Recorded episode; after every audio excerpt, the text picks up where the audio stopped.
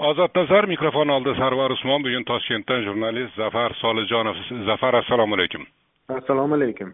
Xush kelibsiz ozod nazarga mana bugun birinchi marta siz bilan gaplashib turibmiz ozod nazar doirasida. Siz bilan e, namanganlik dizayner shavkat egamberdiyev e, toshkent shahar hokimi jahongir ortiqxo'jayevdan uzr so'raganini ham so'ramoqchiman. Lekin oldin shu kunni mavzusi. Shu kunni mavzusiki mana kirish imtihonlari testlar topshirilyapti. Hozir e, suhbatni rasman boshlashdan oldin ham aytdim. Kirish imtihonlarini tashkil qilishni testni topshirgandan keyin abituriyent qanday talaba bo'lish prinsiplarini to'g'risi bilmas ekanman yoki mhm. chala bilar ekanman. So'xda katta bir stadionda so'xni stadionida e, test imtihonlari uyushtirilibdi bugun suratga ko'zim tushib qoldi so'xda nimaga imtihon o'tkaziladi siz bilasizmi yerda oliy o'quv yurti bo'lmasa bu yil alohida nima bo'ldiku alohida tartib ishlab chiqildiku pandemiya sabab shunga imtihonlarni tezroq kengroq va o'sha hudud nima deydi xavfsiz hududda amalga oshirish rejalashtirildida bu butun respublika bo'ylab rejalashtirildi. Endi e, hozir misol uchun e, kunuzda nimasini ko'rgan bo'lsangiz ham fotoreportajini. Ko'rdim ko'rdim. Ha o'sha muxbirlar olib e, rasmga nima qilib jo'natishgan o'sha so'g'diyona markaziy o'yingohida imtihon topshiryapti ko'pchilik. Yerda o'sha bloklarga bo'lingan salafanlar o'rnatilgan kerak bo'lsa endi yomg'ir yog'ib qolsa yo boshqa boshqalarda nima qilib lekin atrofini bir e, ko'radigan bo'lsangiz o'sha kuzatuv kameralari ham o'rnatilgan. O'sha yigirmadan ortiq kuzatuv kameralari o'sha mas'ullar ham bor. Undan tashqari o'zlari o'sha va'da qilganidek e, tibbiy qo'lqop niqoblarni ham ichimlik suvlarini ham e, ruchkalargacha o'sha bepul tarqatishyapti. Doimgi kim kim kim uyushtiradi o'sha imtihonni? Imtihonni kim oladi o'sha so'xda davlat test markazidan mutaxassislar boradimi tartib bo'yicha e, misol uchun e, tartib bo'yicha abituriyentlardan abituriyentlardagi imtihon jarayonlarini nazorat qilish davlat test markazi xodimlari zimmasiga yuklatilgan. Ulardagi o'sha kirishdagi xavfsizlik e, har xil moslama yoki nima texnika yoki boshqa har xil x test x variantlardan foydalanmasligini oldini olish va ta'minlash uchun odatda yerda xavfsizlik xodimi organ o'sha xavfsizlik xodimlari o'tiradi. Ya'ni imtihonga ular bittalab tekshirib ichki ishlar xavfsizlik e, gvardiya ham bo'lishi mumkin. Bu xavfsizlikni ta'minlash masalalari. Men ilmiy jihatini aytyapman ilmiy jihatini. O'sha ilmiy e, jihatda misol uchun ilmiy jihatda o'tgan yilgi yoki undan oldingi nimalarni ham ko'radigan bo'lsak misol uchun davlat test markazi xodimlari albatta biriktiriladi har bitta o'sha nimaga stadiongada endi hozir. Stadionlarda hmm. bo'lyaptiku stadionga biriktirib undan tashqari meni o'zim ayamlarim qatnashgan o'tgan yili bu yilgi tartib e, qanaqa bilmayman o'qituvchilar ham biriktiriladi. Kuzatuv nimalariga tarkibiga kuzatuvchilar tarkibiga. Davlat test xodimlari ham bo'ladi yerda o'qituvchilar ham yurib o'sha nazorat qilib nima holat nima qilishyapti hammasini nazorat qilib turishadi odatda. Ichki ichkari jarayonda xuddi shunaqa. O'qituvchilar e, pedagoglar o'sha abituriyentlar o'sha test imtihonlarini topshirdi. Natijalari yaxshi chiqdi. Undan keyin nima bo'ladi? Qaysi o'quv yurtiga e, ular qabul qilinadi? Qanday qabul qilinadi? Endi siz oliy ta'lim vazirligini mutaxassisi emassiz. Endi bir mahalliy jurnalist sifatida tasavvuringiz bormi deb so'rayapmanda endi hozirgi e, nimalarda ochig'i men ich ichiga kirganim yo'q ta'lim tizimini. Chunki men o'zim e, tanlagan узкий yo'nalish ko'proq ijro hokimiyati shularga bog'liq asosan. Ho'p ho'p siz ham qachondir test topshirgansiz to'g'rimi? Albatta. Nechinchi yil topshirgansiz ikki ming to'qqiz e, birinchi yili kirolmaganman keyin armiyaga borib kelib ikki ming o'n birinchi yilda topshirib kirganman. Jahon hozirgi mana bu yil o'tkazilayotgan o'tgan yili o'tkazilgan imtihonlarni siz topshirgan vaqtdagidan farqi nimada? Yaqinda birov bilan gaplashsam yo hozir korrupsiya alomatlari ancha ozaygan hozir yaxshi bo'lib qoldi deydi. Bizni vaqtimizda aytadigan bo'lsak o'sha koreys davrida bo'lgan bu narsa ko'chalarda x variantlar to'lib ketgan. Ochiq aytish kerak ko'chalarda x variantlar va boshqa hujjatlar to'lib toshib ketgan. Ichkarida ham foydalanishgan hatto o'sha kuzatuvchilar borku hmm. davlat test markazini o'sha eski tarkibi bo'ladimi yoki o'sha vaqtdagi o'qituvchilar bo'ladimi? Ular alohida alohida o'sha hatto telefonlar olib kirib berilgan. Bu xuddi haligi nimada bu nima deydi isbot talab qilinmaydigan bir e, narsa Э, bu bo'lib kelgan doimo bo'lgan. Bundan tashqari bunker shunaqa narsalar siz o'z ko'zingiz bilan ko'rib turgansizda kimdir yoningizda o'sha qog'ozdan foydalangan yana kimdir telefondan foydalangan. Endi hozirgi nimalarni ko'ryapman? Misol uchun e, abituriyentlar e, o'zimni misol shaxsiy kanalimda yigirma olti yarim mingdan ortiq odam bo'lsa e, o'zim yuritadigan blogni o'zida kanallardan boshqa kanallardan tashqari. Shu blogimga shu vaqtgacha mana necha kundan beri imtihon bo'lyapti biror marta abituriyent bunda nohaqlik bo'ldi mana bu yerda bemalol foydalanishdi degan narsani shaxsan men o'zim ko'rdim. Mana bunaqa degan holatda murojaat bo'lmadi menga hozircha. Demak ancha toza bo'lib qoldi a endi tashqaridan qaraydigan bo'lsangiz shunaqa bo'lishi mumkin. Tashqaridan qaraydigan ichkaridan qarasangchi. Meni bitta nimam bor doim bitta narsaga shubha bilan qarayman bu tizim baribir inson faktori aralashgandan keyin men u tizimni hech qachon yuz foiz halol yoki yuz foiz e, korrupsiyadan xoli deb haligi baqirib jar sololmayman inson faktori aralashdimi albatta yerda korrupsiya bo'ladi. Uni o'zlari biladi. Kim qanaqa nima? Yo'q o'zlari biladi albatta. Siz biladigan jihati bormi?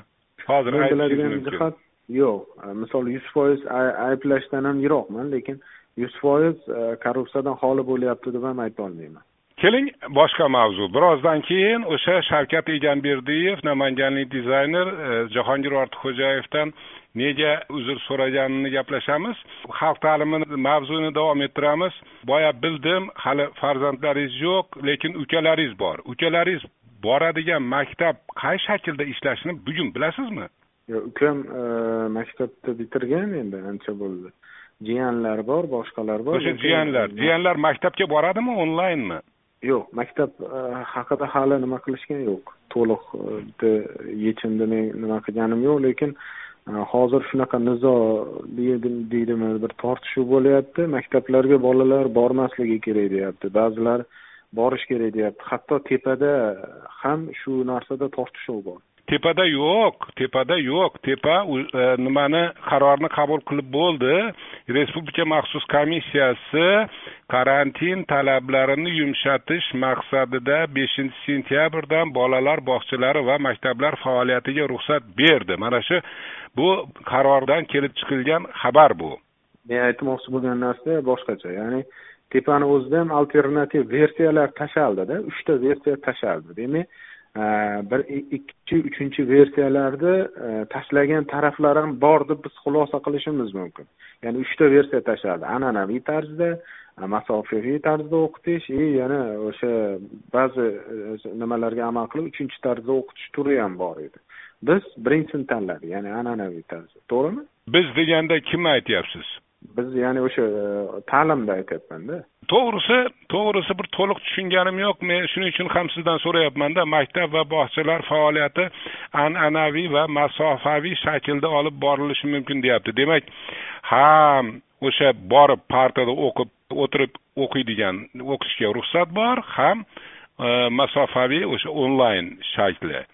Shaxsan siz qaysi qaysi shaklga ovoz bergan bo'lardingiz? Endi men o'zimda farzandim bo'lmagani uchun e, balki his qilmaganim uchun ya'ni farzandni e, avaylab asrash shu kabi narsalar his qilmaganim uchun e, an'anaviyni tanlashim mumkin hozir.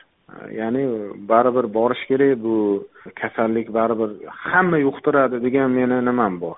Hamma yuqtiradi o'sha azaldan bo'lgan kuchlilar tirik qoladi degan bir nazariyam borda meni o'zimda. Hamma kasallanadi bu kasallik bilan iloji yo'q deyman. Vaksina chiqsa ham u vaksinalashtirguncha mana ko'ryapsiz. Laboratoriya tekshiruvi uni sinash sinash uchun ruxsat.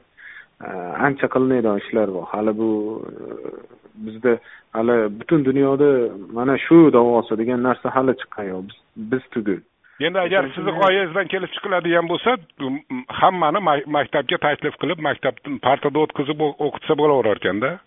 Meni g'oyam bo'yicha o'qitish kerak lekin uchta narsa bor buni e, nima deydi umuman gigiyena talablari ham desak bo'ladi. Shu narsalar amal qilish kerak ya'ni masofani saqlash kerak. Bunga e, yaponiya boshqa davlatlar misol bo'ladi. An'anaviy o'qish usulini boshlagan davlatlar ba'zilari masofani saqlash e, qo'llarni o'sha dezinfeksiya vositalari bilan nima qilish va maska taqish. Uchta prinsipni uchta nimani saqlagan holda o'sha maktab davrida o'sha darslar davrida bolalarni an'anaviy tarzda o'qitish tarafdoriman. Ha yaxshi. Keling endi mana blogersiz jurnalistsiz e, o'ziz tengi e, blogerlarni hayotidan yaxshi xabardorsiz. O'sha e, shavkat egamberdiyevni tayyorlagan videosini ko'rgan bo'lsangiz kerak a albatta. O'sha taksi sariq taksidan shu sekund degan yozuvdan boshlanadi. Pul sochadi boradi keyin kartel brakfa degan minoralar va hokazo va hokazo. Men ham kecha kecha ko'rdim ancha ancha qiziq qilingan video. Endi o'sha videoni egasi muallifi shavkat egamberdiyev jahongir ortiqxo'jayevdan uzr so'rabdi jahongir ortiqxo'jayevdan emas e, kompaniyadan uni egalari desak akfadan akfa rt shirkatlaridan. Да boshqaruv. Ha ha ha endi gazeta uzni xabar qilishicha artel brendini rivojlantirish ishlari bo'yicha rahbari ramziddin qo'chqorov blogerdan instagramidan o'chirishni talab qilmaganmish. Hech kim hmm. unga uzr so'ra demaganmish zo'r bo'lardi agar shavkat egamberdiyevni o'zidan so'rasam o'zidan ham so'rarmiz. Siz nima deb o'ylayapsiz shu voqea bo'yicha? Bu voqea bo'yicha shavkat egamberdiyev videosini chiqargandan keyin misol uchun ma'lum bir vaqtdan keyin videosini olib tashlashi hech qachon o'zini tashabbusi bilan bo'lmaydi o'z o'zidan hech qachon o'zini tashabbusi bilan bo'lmaydi. Ya'ni videoni qo'ydi. Bu oddiy mantiq bu oddiy mantiq. Ha bu judayam oddiy mantiq videoni qo'ydi videoda hech qanaqa ayblov yo'q. Ya'ni barchasi haqiqat. Bizda monopoliya rostdan ham o'zi motors deymizmi yoki boshqa boshqa tashkilot gaz bo'yicha neft bo'yicha hamma sohada monopoliya bizni iqtisodiyotimizni egallagan. Milliardlar ajratyapmiz biz soliqlardan ularda yashab qolish uchun ko'pini. Misol uchunda yo'llar bo'ladimi boshqami endi artelni monopoliyaligi aniq. Artel monopoliya. Artel monopoliya. Uni uni rad etib bo'lmas haqiqatda bu. Xuddi o'sha haqiqatni bir necha sekundlik videoga joyladida bu. O'zini qobiliyatini ishga soldi opera nima deydi? Montajchi. Hmm. sodda qilib aytsak montajchi. O'zini qobiliyatini hamma bilimlarini ishga soldida bir necha katta katta rezonans bo'lgan voqealar o'sha shet sekund bo'ladimi geylar masalasi bo'ladimi o'sha kalta paypoq bu yoqda mm, artel bo'ladimi akfa bilan hammasini bitta nimaga soldida qopga soldida bir necha sekundlik video qilib chiqardi. Bu rezonans bo'lgan jamiyatda bo'lgan voqealarni xulosasi edi. U yerda yangilik yo'q edi. Yerda ayblov ham yo'q edi. Chunki bor haqiqat. U yerda misol uchun mahsuloti yomon degan boshqa narsa ham emas. Yoki bunaqa bunaqa degan katta jiddiy ayblov yo'q. Ertaga sudga bersangiz u yerda tarkib topish qiyinda. Shunaqa ayblay keyin videoni endi e, to'g'risi video chiqdi judayam zo'r bo'ldi g'alati haligi nima deydi ko'pchilikka yoqdi bu. Endi odamlarni ichidagi gapni bir necha sekundga sig'dirib bitta video qilib o'ziga taqdim etsangiz yoqadida. E, yoqdi lekin bir ozgina vaqt o'tdida videosi olib tashlandi. Keyin o'sha umid bilan nimalar boshlandi nima deydi umid videosini qo'ygandi undan ham olish o'zi iltimos qildi. Bu haqda umid o'zi ham yozib chiqdi. Undan keyin mayli olib tashlandi deylik. Jamoatchilik uncha e'tibor bermadida bunga bu voqeaga. Video olib tashlanganda. Eng asosiy voqea egamberdiyevga uzr so'rab chiqish voqeasi bo'ldi. Bu bitta o'sha nimani trolluzni e, pastava qildi deb ayblov nima qildi? Trolluzni aybladi shavkat egamberdiyev vaholanki hamma ko'rishi mumkin bo'lgan sahifasidan olib uz o'zini sahif boshqa bir platformaga qo'ygan. Hech qanaqa e, holat ham bo'lgani yo'q. Endi bular nimadan xulosa qilish mumkin? Bitta ochig'i sal e, bilimi bor odam sal e, jamoatchilik voqealar rezonanslar kuzatib yurgan odam o'z o'zidan xulosa qilinadi.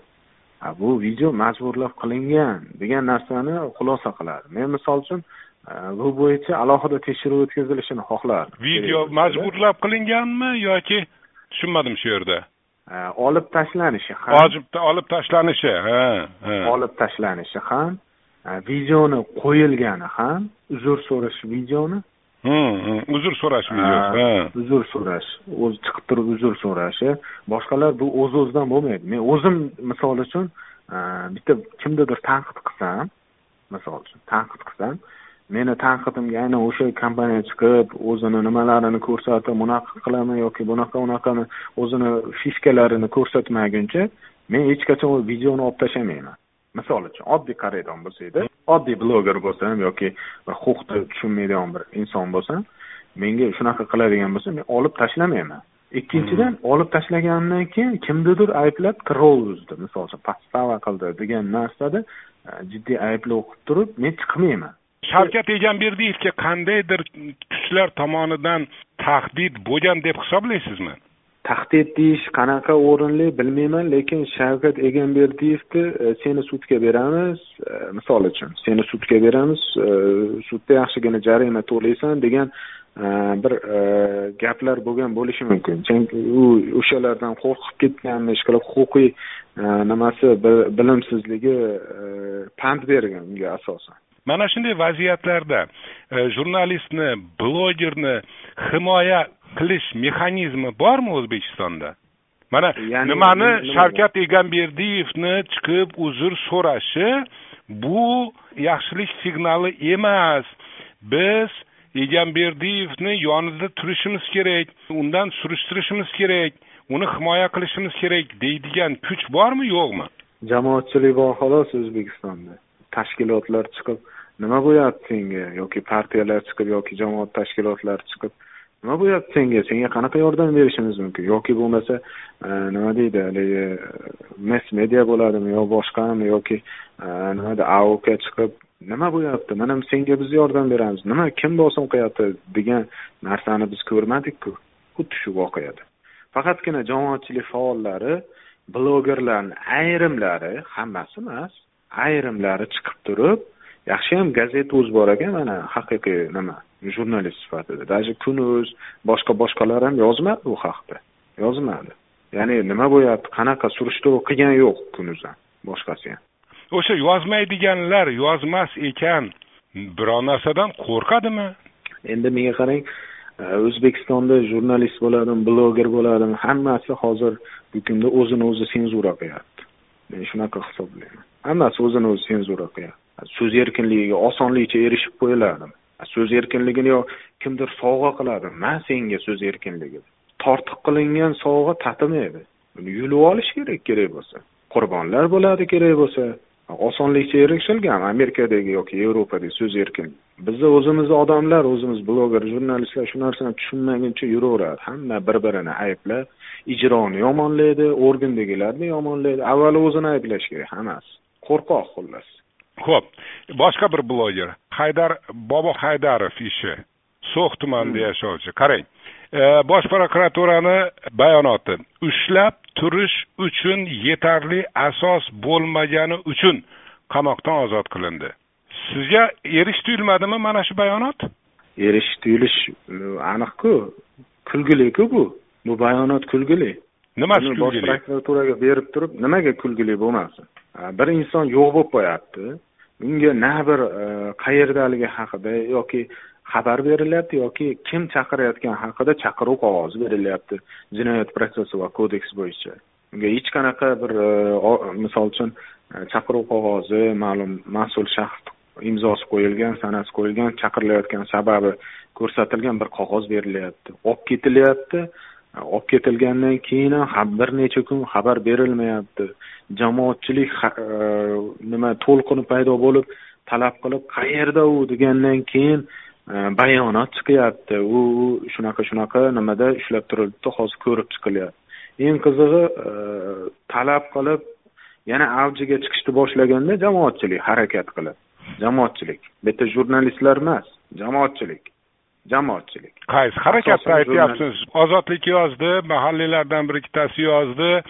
Men jamoatchilik harakatini ko'rganim yo'q. Ko'rgan bo'lsangiz ayting. Kim? Blogerlar hammasi yozdi. Haqiqiy blogerlar yozdi. Masalan men yozdim fayzbog' yozdi bahodir ahmedov yozdi nima bakirov yozdi. Ha yo'q yo'q yo'q jamoatchilik jamoatchilik desangiz men endi bir blogerlarni nazarda tutganim yo'q edi jamoatchilik blogerlar ham kiradiku siz aytib turgan jamoatchilik emas lekin siz aytib turgan jamoat tashkilotlari va jamoatchilik emas. Lekin shunaqa narsa bo'lgandan keyin endi qarang. Oradan yana vaqt o'tyaptida himoya ostidagi shaxsni jinoyat ishida ayblanish tariqasida jalb qilish ehtiyot chorasi sifatida o'sha qamoqqa olish uchun yetarli asos bo'lmagan shu sababli tergov organi qarori bilan qo'yib yuborilgan bu kulgiliku? Xuddi bitta inson gup etib yo'qolib qoladida boshqa joydaligi ma'lum bo'ladi и uni e, ushlab yana дальше ushlab turishga yoki e, boshqa tarzda javobgarlikka tortishga asosi yo'q deb turib qo'yib yuboriladi. Endi siz shu bayonotdan nimani tushundingiz? Masalan qarang ushlab turish uchun yetarli asos bo'lmagani uchun deyilyapti. Bo'ldimi? Bobo haydarov qutulib ketdimi shu bilan dadaxon haydarov endi bitta narsa bor. Dadaxon haydarovni o'zini ichki senzurasini yengish bosqichi kelyapti hozir. Ya'ni u chiqdi ozodlikka. Advokatiga ko'ra u chiqdi. Endi u qanday bayonot beradi? Ya'ni unga nimalar bo'ldi? Nimalar so'rashdi? Qanaqa bo'ldi? Chiqib turib gapirib bera oladimi? Asosiy savol shu yerda. Agar u ham o'zini senzura qilib samosenzura qilib bir to'xtatadigan bo'lsa qutulib ketdi. Ular maqsadiga erishgan bo'ladi. Buni ichkariga olib kirib qo'yib yuborganlar. Ya'ni boshqalarga ham signal bo'ladi. Ya'ni qara gapirmayapti nimadir bo'lganda degan odamlar o'zida qo'rquv paydo bo'ladi ichki qo'rquv. Va bu kim bo'lsa ham manfaatdorlarni manfaatiga xizmat qiladi. Ya'ni ulardan qo'rqish foizlari yana oshadi oxirgi savol qarangda zafar o'z o'zini senzura qilish haqida gapirdingiz ichki qo'rquv haqida ko'p gapirdingiz bir bloger sifatida bir jurnalist sifatida o'sha ichki qo'rquvdan qutulish metodikangiz bormi shaxsan sizni? Mendami? Ha. Men ochig'i hamma yaxshi yashash tarafdorimanda men. Eng qizig'i e, men misol uchun koreyada bo'lganman yana boshqa boshqa joylarda bo'lganman odamlar maza qilib yashayaptida. Korrupsiyasiz yana boshqa boshqa illatlarsiz qo'rquvlarsiz o'zi soliq to'layapti solig'iga yarasha sharoit qilib beryapti tepadagilar o'sha hukumat tepadagilar emas yerda hukumat soliqdan oylik oladiganlar. Ular qurib bergan o'sha qurib turgan birgalashib qurayotgan jamiyatda maza qilib yashayapti.